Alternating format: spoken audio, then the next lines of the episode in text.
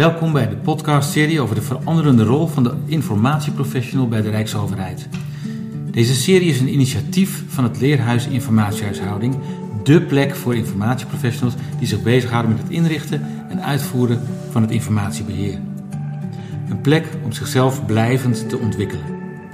Maar ook een plek voor een ieder die geïnteresseerd is in het open en op orde houden van de informatiehuishouding van de Rijksoverheid. We ondersteunen hiermee rijksorganisaties zodat zij zodanig georganiseerd zijn dat de overheidsinformatie duurzaam toegankelijk is. De informatieprofessional heeft hierin een cruciale rol. Hun zichtbaarheid en inzet van deskundigheid is van belang om informatie vindbaar, beschikbaar, leesbaar, interpreteerbaar, betrouwbaar en toekomstbestendig te maken en te houden. Mijn naam is Sebo Boerma, onderwijskundig adviseur van het Leerhuis.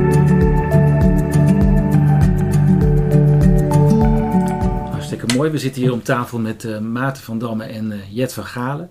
Uh, we zijn bij het ministerie van OCMW, een heel klein hokje. Ehm, waar we het, het gesprek gaan voeren over Rijkswaterstaat en de informatiehuishouding bij Rijkswaterstaat. Maarten, Jet, van harte welkom. Uh, Jet is uh, ambassadeur van het Leerhuis, die zal zich zo even voorstellen. En Maarten van Dam is, uh, ja zeg het zelf eigenlijk maar, wat is jouw rol bij Rijkswaterstaat? Ik ben senior adviseur het documentair informatiemanagement, DIM.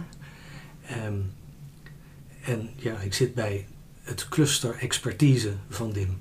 En dat okay. is min of meer de beleidsclub. Ja. ja. We komen zo op jouw rol. Jet, ja, ik ben uh, projectleider in het programma Open op Orde. En vanuit die functie uh, uh, nou ja, ambassadeur voor het leerhuis. En binnen Open op Orde hou ik me bezig met actielijn 1 over het professionaliseren van de informatieprofessional, de medewerker.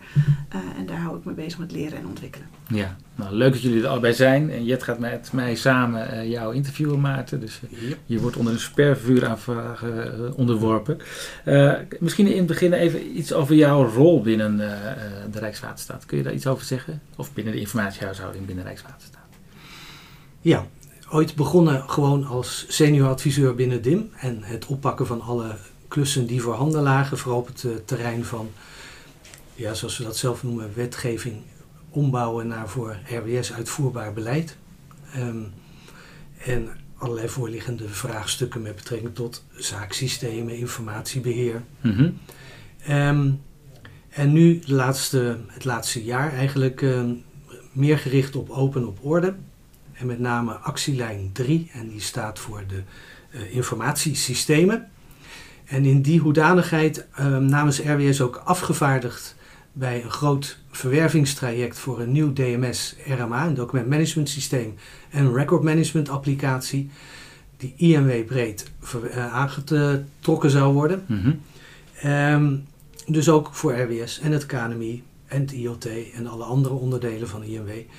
Um, en daar zit ik eigenlijk het meeste tijd op dit moment. De aanbestedingsdocumenten zijn gemaakt, worden op dit moment gereviewd. En um, ja, dus het dagelijks leven bestaat uit uh, programma van eisen opstellen. Waaraan moet een RMA voldoen, waaraan moet een DMS voldoen. Um, om straks in die Europese aanbesteding te krijgen wat uh, we als IMW nodig hebben. Uh, maar ook natuurlijk vanuit RWS de belangen dienen, zodat we ook een DMS krijgen waar RWS mee uit de voeten kan. Heb je in dat opzicht ook een, een grote component IT in jouw um, pakket? Nou, van origine ben ik bibliothecaris documentalist en heb ik ook informatiewetenschap aan de UvA gestudeerd. Dus ik ben niet een, een keiharde uh, archivaris uh, dimmer, maar al 30 jaar werkzaam in dit vakgebied. Mm -hmm. um, dus ik mag, ja, een archiefwet ken ik ook wel uh, uit mijn hoofd. Um, maar ik heb wel altijd belangstelling gehad voor de ICT-component. Ik, uh, ik vond die digitalisering al heel vroeg interessant. Ik zag ook wel dat, dat ging doorzetten en dat we straks digitaler zouden gaan werken. En vroeg me ook af van hoe gaan we de hè, papieren dingen straks digitaal doen. En kan iedereen dat bijbenen? Dat is ook een aspect. Um, en wat ik ook interessant vind, is eigenlijk dat het steeds misgaat met die digitalisering. Ik, uh, ja, ik heb een verleden als extern adviseur en ik heb heel wat second opinion onderzoeken mogen doen naar het falen van de introductie okay. van een DMS. van waarom gaat het nou steeds mis? Waar, hè, want we hadden we hadden alle wensen op een rijtje. We, we hebben overal rekening mee gehouden. We hadden budget. We hebben het uitgerold en niemand gaat ermee werken of het wordt verkeerd gebruikt. Hoe, hoe kan dat nou? Dus Dus hoge verwachtingen bij INW nu. eh, want- Nou ja, eh, eh, eh, dit is voor ons eigenlijk eh, voor RWS de derde poging te komen tot een generiek documentmanagement systeem. Hmm. Dus daar hangt wel veel van af. ja. En het is ook wel van belang dat je, ehm, dat je realiseert wat is er nou misgegaan in die vorige trajecten. Waarom faalden we nou om dat succesvol te maken? Kun je eens even zo, het is wel, het is een beetje een zijpaadje misschien, omdat we het hebben het over de veranderende rol. Maar ik vind het wel even interessant ook. Kun je iets zeggen over een paar faal- of succesfactoren die juist dan eh, bij zo'n DMS eh, van belang zijn? Ja, ik, ik, ik wilde wel twee eh, benoemen. Er is een soort drie-eenheid in zo'n traject tussen de business, de ambtenaar, ehm, DIM of DIF en de ICT. En, ehm, en wat je ziet is dat er vaak een disbalans is tussen die drie belangen. Er wordt best wel goed geluisterd naar de business. We gaan langs om te vragen wat heb jij nodig om je dagelijks werk beter te doen, hè, waar het documentenbeheer betreft. En op een gegeven moment zie je toch vaak verschuiven in die trajecten, ook omwille van binnen budget en tijd realiseren van zo'n project, dat er hoekjes afgesneden gaan worden. Oh ja. We moeten sneller. En DIM eh, heeft vaak de neiging om heel erg op de regeltjes te zitten. Het moet van de archiefwet. Nee, dat kunnen we niet anders, dat moet. Hè, dus aan de ene kant is het een zekere starheid vanuit de DIF-gemeenschap. De ICT-gemeenschap denkt dat ICT alles kan oplossen. En de business maakt alles super complex. En is niet in staat om haar eigen werk ja, in mootjes te hakken en, en, en in te zien dat als je het allemaal goed en wel beschouwt, dat eigenlijk al die processen best wel veel op elkaar lijken waar het het documentbeheer betreft. Dus, ehm, dus die drie-eenheid is vaak verstoord. Ehm differs komen met enorme metadatalijsten waar, hè, die in het Mhm. systeem ingebouwd moeten worden. De business zegt, ehm, ja, maar ik heb wel 124 gegevens die ik vast wil leggen in drie verschillende schermen. En ICT zegt, ja, eh, we willen eh, ook een klokje rechtsboven. En dat vinden wij heel belangrijk. En dat moet erin. En, ehm, of metadata, ja, nee, dat is niet zo belangrijk. Want eh, met onze zoekmachine kunnen we alles toch wel terugvinden. Ja. En, en op een gegeven moment zie je vaak dat div een beetje afhaakt of buitenspel wordt gezet. Tenminste, dat heb ik in het verleden wel meegemaakt. Hoe Omdat komt ze, dat? dat Ja, niet altijd even mondig. Oké. Ik denk ook de positionering eh, in organisaties. Hè, waar zit ICT? Eh, die zit vaak in de raad, eh, in het bestuur. Waar zit het hoofd DIF, DIM? Niet in de raad van bestuur of in de directie. Dus je ziet, ICT wordt in organisaties eigenlijk eh, heel belangrijk gevonden. We hebben ook een CIO.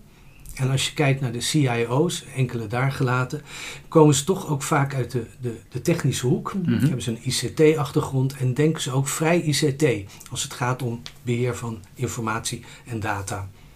Ja, Oké, dus positionering, maar ook mondigheid, zeg je, is een... eh, ja en traditioneel misschien ook de positie die DIM eh, informatiemanagement heeft gehad in de organisatie. Ja. Ja, dat is, eh, ja, het is toch traditioneel ontstaan als eh, de club die ehm, het dossier in ontvangst nam, schoonde, eh, eh, registreerde, in het archief opborg en het weer ophaalde als het nodig was. ja. Dus eigenlijk achteraf, achteraan in het proces. En we roepen al 30 jaar van differ, let op, eh, je werk gaat veranderen. Het archiefmoment wordt naar voren verplaatst. Nu noemen we dat eh, ehm, archivering by design. Hè? Mhm. Maar het archiefmoment wordt naar voren verplaatst. Op dat moment weet je ook het meest van het informatieobject, het document.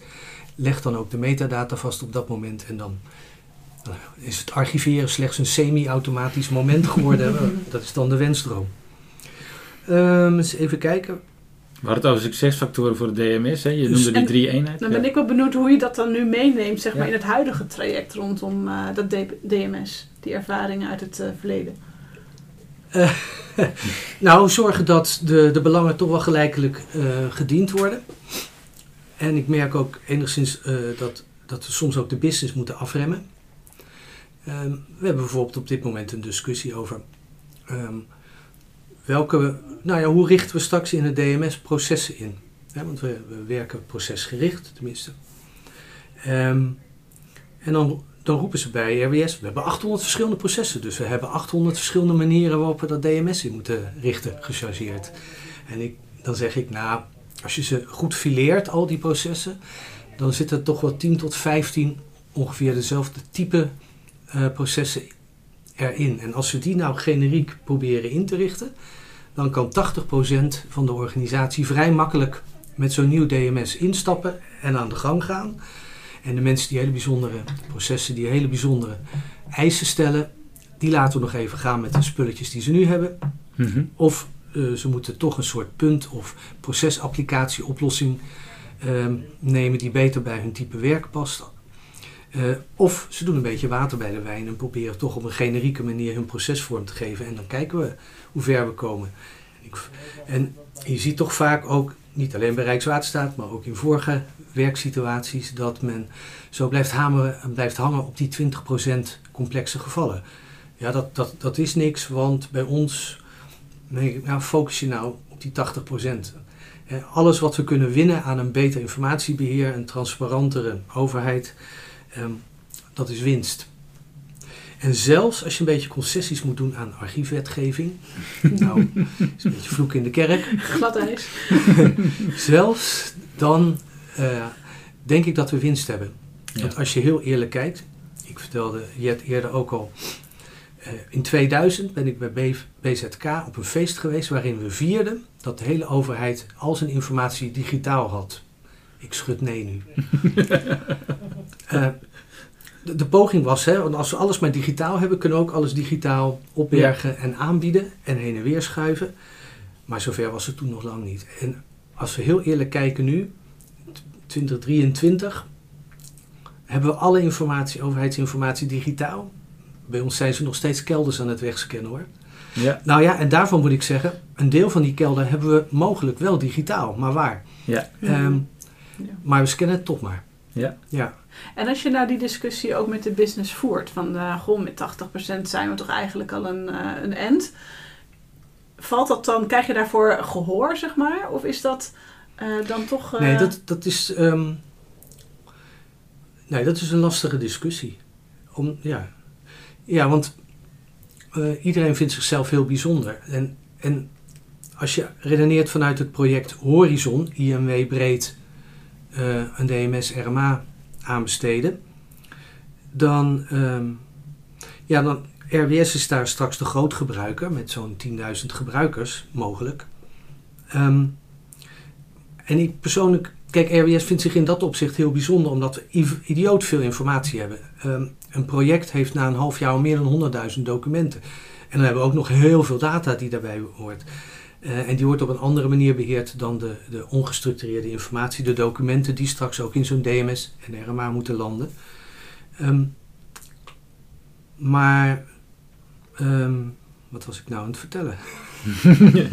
ja, de, de, de, vraag van Jet was van, krijg je ook gehoor? Hè? Dus, um, iedereen vindt zich uniek, zei je. Uh, daar begon je mee. Uh.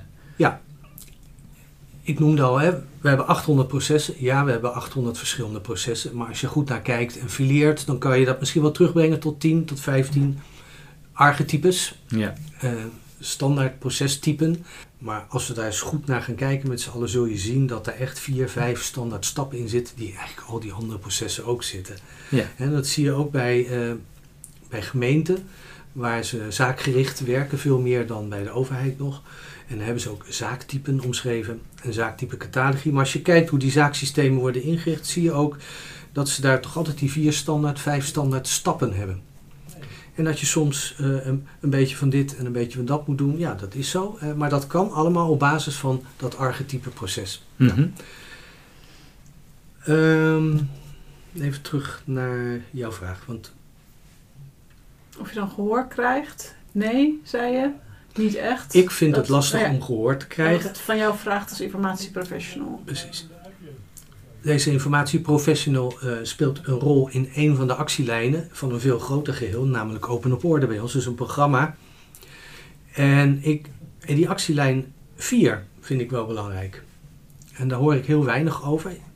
Uh, dat is misschien ook nog wel even een aandachtspunt. Ik zit in een programma Open op Orde. Ik zit in mijn eigen actielijn binnen die actielijn in een project DMS voor RWS. Ja. Dus waarin we de belangen en de wensen van de RWS in kaart brengen, zodat die ook ingebracht kunnen worden in het grotere eh, horizon-traject van IRW Ja. breed.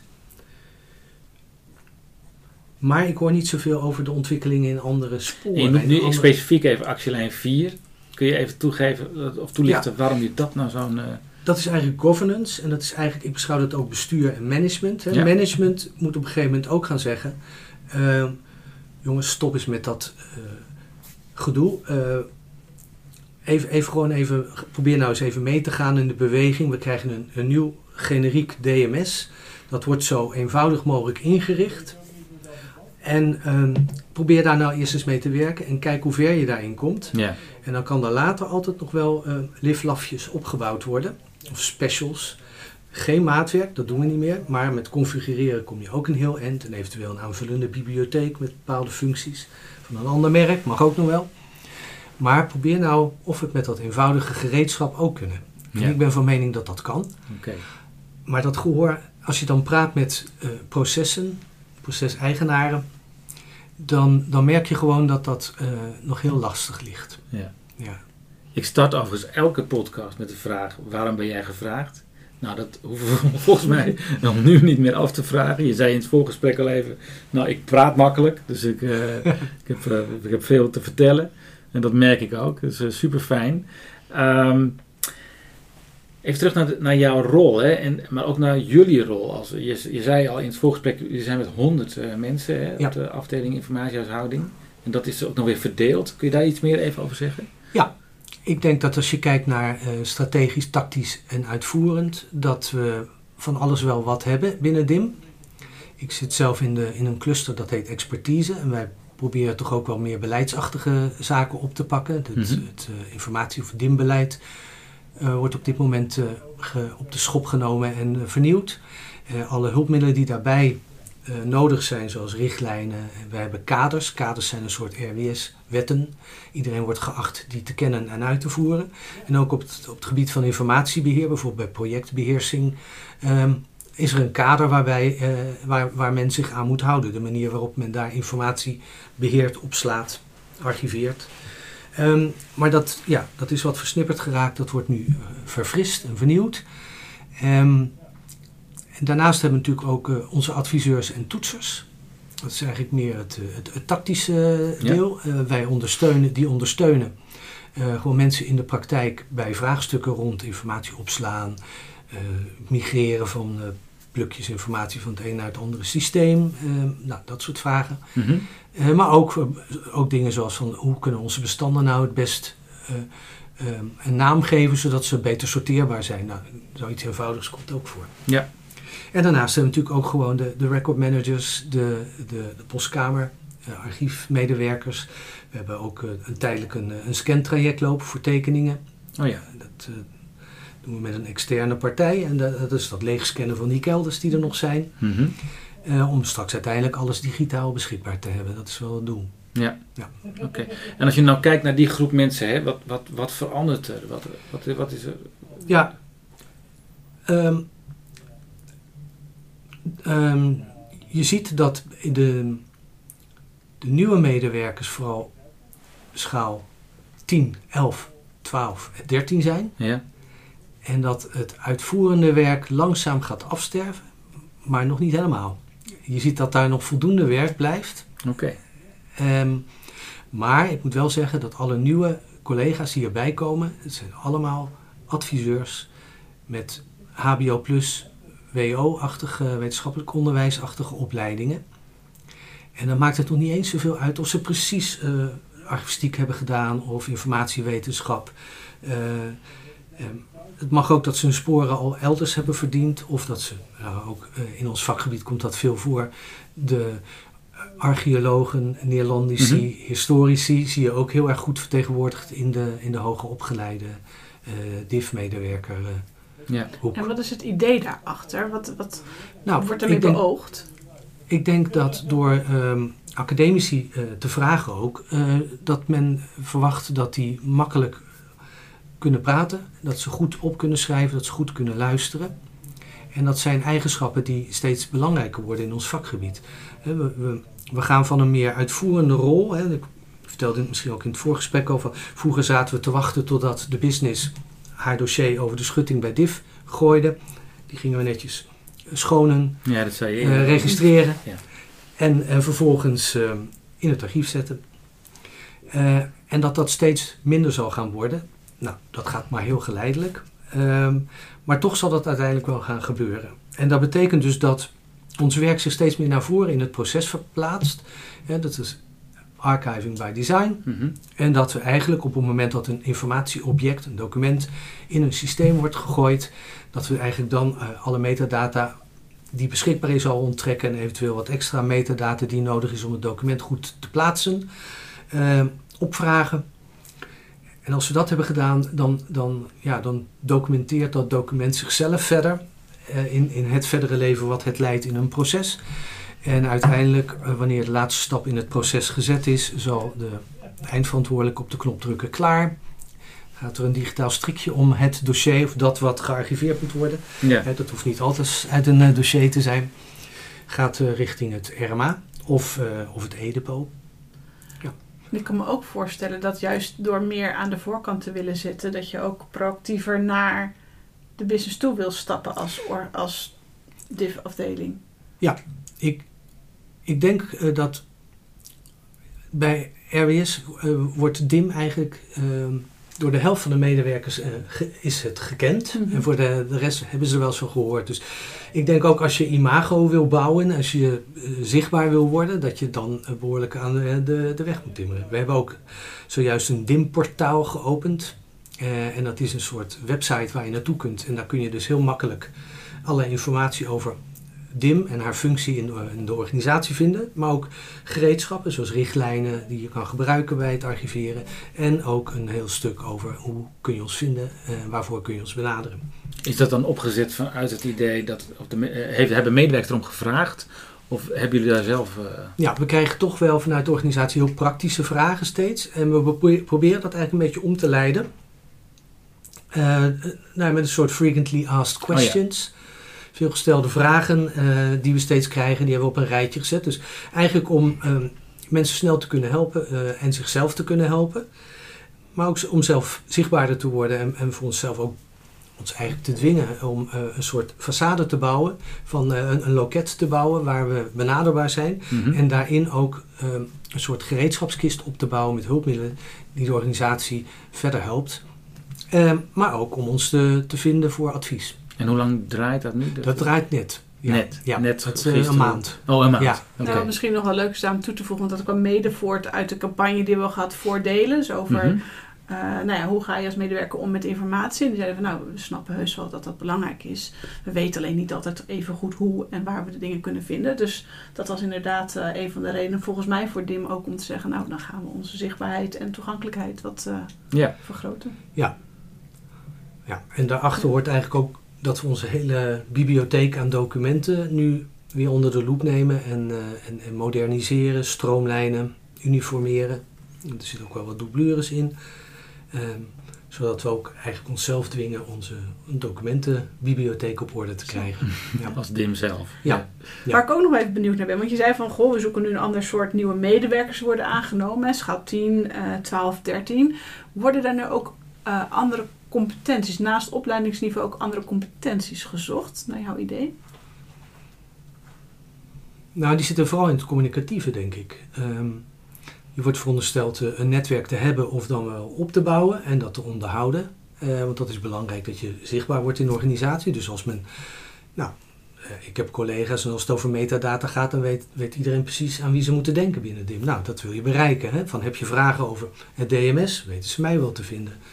Ehm, omdat ik nu helemaal in die DMS-hoek zit op dit moment. Ja. Ehm, dus ja, dat soort vaardigheden. eh, dus ehm, zichtbaar worden, een duidelijke mening, liefst ook een uniforme mening uitdragen als DIM. Ja, er is nog zoveel te winnen aan, aan, aan zichtbaar worden. Nou ja, een ander punt, ik weet niet of dat relevant is voor dit gesprek, maar binnen Open op Orde hebben we natuurlijk ehm, vier actielijnen en ik geloof een 26-tal projecten. Misschien iets meer of iets minder. Maar die 26 projecten, En die hebben allemaal wel eh, een DIM-component. Mhm. Ja, die, die zijn eigenlijk als het ware bij elkaar geharkt, omdat eh, door die eh, toeslagenaffaire is natuurlijk in stroomversnelling gekomen dat we echt transparanter moeten worden, dat we echt die informatiehuishouding moeten aanpakken. En dan zie je, ehm, zie je ook dat we heel veel van die DIM-projecten in Open op Orde hebben gesluist. Ja. Ehm, op een gegeven moment zijn ze uitgevoerd, hè, e-mail-archivering, social Mhm. media, eh, berichtenverkeer. eh, Mhm. nou, als dat klaar is, waar gaat het heen? Het moet in de lijn gaan landen. Dus er is denk ik vanuit Open op Orde en DIM ook nog wel een taak om meer samen te werken. Het is, zijn nu, eh, het is een soort schutting tussen geplaatst. En er zijn ook allerlei DIM-medewerkers actief binnen Open op Orde. Maar die, die, die synergie tussen die twee DIM versus Open op Orde, dat mag nog wel wat beter, vind ik. Omdat straks die producten of diensten die ontwikkeld worden, voor een deel ook bij DIM weer gaan landen. Dus je zegt eigenlijk van de, die twee eh, DIM-soorten, de ene open op orde en de andere de Ja. DIM, die moeten veel meer geïntegreerd worden? Is Niet dat nou, of samenwerken? Nee, want er is gekozen voor een separaat programma en Ja. daarin zijn projecten gedefinieerd. Maar die projecten die hebben veel raakvlak met DIM Ja. en haar activiteiten. Eh, maar die vinden nu vrij separaat ja, ja. plaats. En DIM vraagt dan van, goh, eh, hoe staat het nou met zo'n project? En, en, en wat als jullie dat product hebben ontwikkeld? Eh, ja, dan geven we terug aan de lijn, zegt het programma. Oh, maar dat zijn wij. Eh, eh, weet, zijn we daar al klaar voor? Hebben we daar al mensen voor? Eh? Dus, ehm, dus ik denk dat, er, eh, dat het ook belangrijk Ik weet niet hoe dat bij andere organisaties eh, eh, nu loopt. Maar ehm, er zijn zeker DIM-medewerkers actief binnen Open op Orde. Ik ben er zelf een. eh, twee collega's van mij ook. Die zijn zelfs projectleider binnen een Open op Orde project. Ehm, ja, en, en daar, ook daar zitten wij eigenlijk in ons eigen project heel druk te doen. Ja, voor je het weet zit je in je eigen bubbeltje en eh, vergeet je En dat zelfs er ook andere open, dingen op, ja, zijn. dus binnen Open op Orde Ja, Ja. heb ik gevraagd van kunnen we iets meer delen met elkaar. Want er is, er is samenhang tussen projecten en afhankelijkheid. Eh, en dan heb je ook nog de, de samenwerking tussen DIM en Open op Orde. Waar misschien ook nog wel wat aan is. ja want ik kan kan, me voorstellen- voorstellen dat het ook valkuil is dat je denkt van we hebben in ons programma een paar dimmers zitten. Dus dat hebben we geregeld, die verbinding met dim. Maar dat is dus niet zo volgens jou. Want je zegt dan Ehm, verdwijn je een beetje in dat Ja, project. Op hun eigen vierkante meter Precies. zitten ze dan wel dingen te doen. Hè? Ja. En, ja. Maar eh, ja, dat DMS gaat ons straks allemaal raken. Het is eh, een nieuw DMS, organisatiebreed, is denk ik een belangrijk gereedschap van de DIM, DIF-gemeenschap. Ja. Ehm, dus ja, ze vragen mij ook elke keer van eh, hoe staat het nou met DMS? Wanneer komt die? En eh, wa- wanneer hebben we hem gekozen? Nou ja, dan probeer ik zo goed mogelijk vanuit het projectgroep eh, antwoord te geven. Ja. Maar ja, En eigenlijk zie je dan die faal- en succesfactoren die je eerder beschreef rondom zo'n DMS, zie je eigenlijk terug ook in zo'n programma. Dat het dezelfde nou ja, driehoek is die je ook goed in stand moet houden. En, Ja, het is niet voor niks een programma. Er zijn, zijn acties bij elkaar gezet die elkaar onderling zouden kunnen beïnvloeden. Toch? Dan vergeet je achterban niet, hoor ik hier eigenlijk bij. En, Ehm, Houdt- ja, maar die op ook, de ook, hoogte. ook eh, de andere projecten niet. Ja. Ja. precies. En Maarten, we, volgens mij kunnen we nog wel uren Ja. uren doorpraten. Ik heb beloofd dat we de, de, de podcast eh, redelijk compact zouden houden. Ehm, ik, ik zou je nog één ding willen vragen. Is wat, wat, eh, wat zou jij de- degene die hier naar zit te luisteren nou meegeven? Ook allemaal informatieprofessionals, hè? Wat zou je die nog mee willen geven? Je hebt al heel veel tips en, en adviezen tussendoor gegeven. Dat is eigenlijk iets waar ik zelf eh, mee worstel. Ehm, in het papieren tijdperk hadden we het mapje en daar ging alles in. En een paravenblad gaf eigenlijk het werkproces aan waar, wat, wat doorlopen werd. En daarna was het klaar en dan ging het in het archief. Toen kregen we digitale mogelijkheden. Dan gingen we overal nergens informatie opslaan. Ehm, en dat is een beetje uit de hand gelopen. Het is een soort hybride archiefvorming geworden. En daarna is het eigenlijk een soort digitale versnippering archiefvorming geworden. Dat zie je vooral bij de WOP WO-verzoeken. Dat mensen als een gek beginnen te zoeken in e-mail, in persoonlijke harde schijven, in shares, in DMS'en, in wat dan ook. Ehm, en nu zien we in een traject, eh, nou ja, de nieuwe werkplek hoor je overal. En dat wordt heel erg ook opgehangen aan MS365. Dus we gaan onze Office producten in de cloud zetten. Maar met MS365 komt nog een hele zut aan extra dingen. OneDrive voor Business. En uh, de techneuten zeggen, het is zo handig OneDrive voor Business, want dan kun je je collega's uitnodigen in jouw persoonlijke stukje harde schijf. En dan kun je samenwerken aan een project in je OneDrive. En denk oh nee, nog meer versnippering. Waar we naartoe moeten is nou meer grip krijgen op die informatie. En ze, ik heb niet de illusie dat we alles in één DMS moeten doen en één RMA. Daar geloof ik helemaal niks van.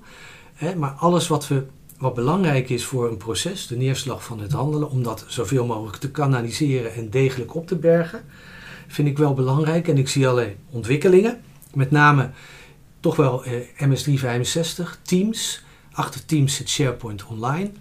Als je iets deelt via Teams met elkaar, een document, gaat het in de cloud van Microsoft. Moet je, moet je wel realiseren. Hè? Dus ook als het departementsvertrouwelijk is. Uh, we raken eigenlijk het blik kwijt, het zicht kwijt op waar gaat het nou allemaal naartoe. En ook in Teams kun je werkgroepen inrichten met eigen documentbibliotheken. Dus je kunt in Teams kun je eigenlijk mini-DMS'jes bouwen. Ja. En in SharePoint kan je DMS-achtige dingen dus bouwen. Dat versnippert nog meer. Ja, en iedereen probeert natuurlijk zijn spulletjes te verkopen. Ja. Uh, en, dan, en dan zie je dus eigenlijk waar stopt SharePoint en waar begint een DMS dan nog? Waar is de grens van samenwerken versus samenwerken in een DMS-omgeving? Nou, dat vind ik een, eh, een lastige materie. Ik, ik denk zelf wel dat ik dat kan eh, beschrijven. Wij, wij hebben veel grote projecten met heel veel informatie. Ik zou graag willen dat bij grote complexe projecten van RWS zij gewoon het nieuwe DMS gaan gebruiken om daar alle informatie gestructureerd en degelijk op te slaan, verplicht. Ja. En we hebben ook wel meer onderzoeksachtige vrije stroom aan informatie. Die zijn misschien beter thuis in een SharePoint-achtige uh, omgeving. Maar ook daar geldt, als er iets belangrijks voortkomt, het is tenslotte ook een proces van de organisatie, neerslag van het handelen binnen een proces. Dus ja, potentieel te archiveren uiteindelijk. Dus ook daar moet vanuit SharePoint beheer komen op die informatie. En uiteindelijk in een RMA of in een EDEPO-achtige archiveringsomgeving opgenomen worden. Dus toch graag één centraal plek waar uiteindelijk de belangrijke... In een wereld die steeds meer mogelijkheden biedt tot versnippering. dus enerzijds willen we daar vanaf, denk ik, vanuit informatiekundig oogpunt. Uh, maar de ICT biedt steeds meer mogelijkheden. Ja. En, en dat is misschien ook wel het verschil tussen onze beroepsgroep, de dimmers, differs en ICT'ers. Ik maak wel heel erg cesuur, uh, er zit veel mhm. overlap in. Um, ik denk niet altijd dat technologie de oplossing is voor alles. Dus we vinden het straks met een hele goede search engine en artificial intelligence wel weer terug.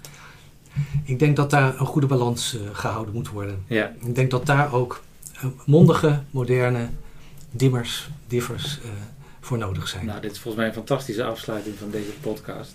Dankjewel Maarten, dankjewel Jet voor de mooie vragen en voor het mooie gesprek.